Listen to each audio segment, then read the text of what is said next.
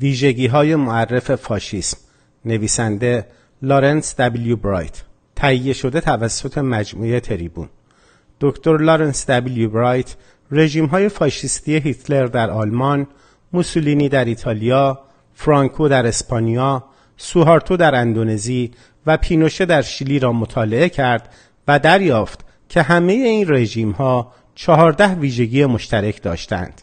او این ویژگی ها را ویژگی های معرف فاشیسم نامید. این ویژگی ها عبارتند از یک ملیگرایی نیرومند و مداوم رژیم های فاشیستی تمایل دارند به صورت دائمی شعارها، رجزخانی ها، نمادها، سرودها و سایر جست های میهن پرستانه را مورد استفاده قرار دهند. پرچمها در همه جا دیده می شوند تا آنجا که پرچمها به عنوان نمادهایی برای پوشش و در معرض دید همگان قرار دارند.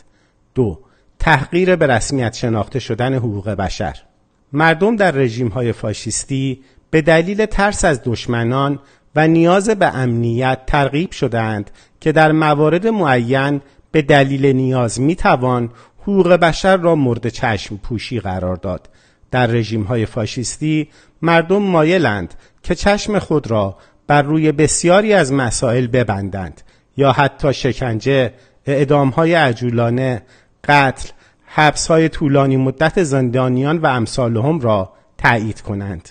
3. تعیین هویت دشمنان به عنوان مقصر همه گرفتاری ها به عنوان عامل وحدت مردم به یک هیجان میهم پرستانه یک پارچه فراتر از آنچه که برای از بین بردن تهدید مشترک یا دشمن قابل درک است برانگیخته و بسیج می شوند. اقلیت های نژادی، قومی یا مذهبی، آزادی خواهان، کمونیست ها، سوسیالیست ها و غیره به عنوان تهدید و دشمن به مردم معرفی می شوند. چهار برتری طلبی نظامی حتی هنگامی که مشکلات داخلی در سطحی گسترده همه جا را فرا گرفته است نیروهای نظامی مبالغ هنگفتی از وجوه دولتی را به خود اختصاص می دهند و مشکلات داخلی به حال خود رها شده و مورد مسامحه قرار می گیرند. نظامیگری و خدمت نظام وظیفه پرزرق و برق و فریبنده است. 5. تبعیض جنسیتی گسترده دولت های کشورهای فاشیستی تمایل دارند تقریبا منحصر به حکومت مردان گردند. تحت رژیم های فاشیستی نقش سنت ها استوارتر می گردد. مخالفت با سخت جنین بسیار زیاد است. همینطور انزجار از همجنسگرایی و قوانین و خط مشی ضد همجنسخواهی زیاد است. 6. کنترل رسانه های گروهی گاهی اوقات رسانه ها مستقیما توسط دولت کنترل می شوند اما در سایر موارد رسانه ها به صورت غیر مستقیم به وسیله قوانین دولتی یا از طریق رسانه های موافق سخنگوی قوه مجریه کنترل می شوند. سانسور به ویژه در زمان جنگ بسیار معمول است.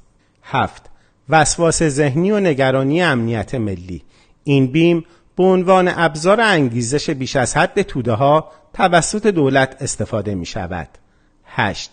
در هم پیچیدگی دولت و مذهب دولت های فاشیستی تمایل دارند رایجترین مذهب در کشور را به عنوان ابزاری جهت دستکاری افکار عمومی مورد استفاده قرار دهند حتی هنگامی که بیشتر اصول مسلم دینی در راستای مخالفت با سیاست ها و اقدامات دولت باشد. سخنان رهبران دولتی عموماً بازتاب دهنده قدرت نطق و بیان و مجموعه از واژگان مذهبی است. 9 محدود بودن قدرت شرکت ها اشرافیت تجاری و صنعتی در یک کشور فاشیستی اغلب همانهایی هستند که رهبران دولت در قدرت منصوب می نمایند. حکومت های فاشیستی نوعی رابطه سودمند خیشاوندی متقابل دولت تجارت و اقتدار نخبگان را ایجاد می کنند. ده سرکوب طبقه کارگر از آنجا که قدرت سازماندهی طبقه کارگر تنها تهدید واقعی برای یک حکومت فاشیستی است اتحادیه های کارگری یا کاملا از میان برداشته می شوند یا به سختی تحت فشار و سرکوب قرار می گیرند. 11. اهانت به روشنفکران و هنرمندان.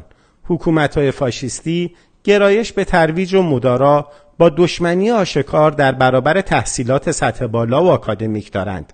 سانسور یا حتی بازداشت برای اساتید و سایر آکادمیسین ها غیر معمول نیست. آزادی بیان در هنر آشکارا مورد حمله قرار می گیرد و دولت ها اغلب از تخصیص بودجه به فعالیت های هنری سرباز می‌زنند. دوازده. وسواس فکری دائمی در برابر جرم و مجازات.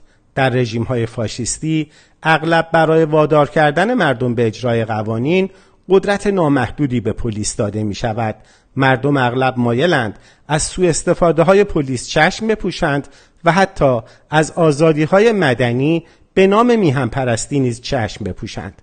در دولت های فاشیستی اغلب یک نیروی پلیس ملی با قدرت واقعا نامحدود وجود دارد. 13 پارتی بازی گسترده و فساد. رژیم های فاشیستی تقریبا همیشه توسط گروهی از دوستان و وابستگان اداره می شوند که یکدیگر را به پست های دولتی منصوب کردند. کسانی که قدرت و اختیارات دولتی را برای حمایت از دوستانشان در مقابل پاسخگویی مورد استفاده قرار می دهند. در رژیم های فاشیستی غیر معمول نیست که منابع ملی یا حتی خزانه مورد سوء استفاده قرار گرفته یا حتی توسط رهبران دولتی یکجا سرقت شود. چهارده انتخابات فریبامیز گاهی اوقات در کشورهای فاشیستی انتخابات یک تظاهر تمام ایار است سایر اوقات انتخابات از طریق مبارزات انتخاباتی لکهدار در برابر کاندیداهای مخالف دستکاری می شود. گاهی از قانون برای کنترل شمارش آرا یا دستکاری در محدودهای مشخص سیاسی یا دستکاری در رسانه های عمومی و غیره ارقام جابجا می شوند. حکومت های فاشیستی نوعا سیستم غذایی خود را نیز برای دستکاری یا کنترل انتخابات مورد استفاده قرار می دهند.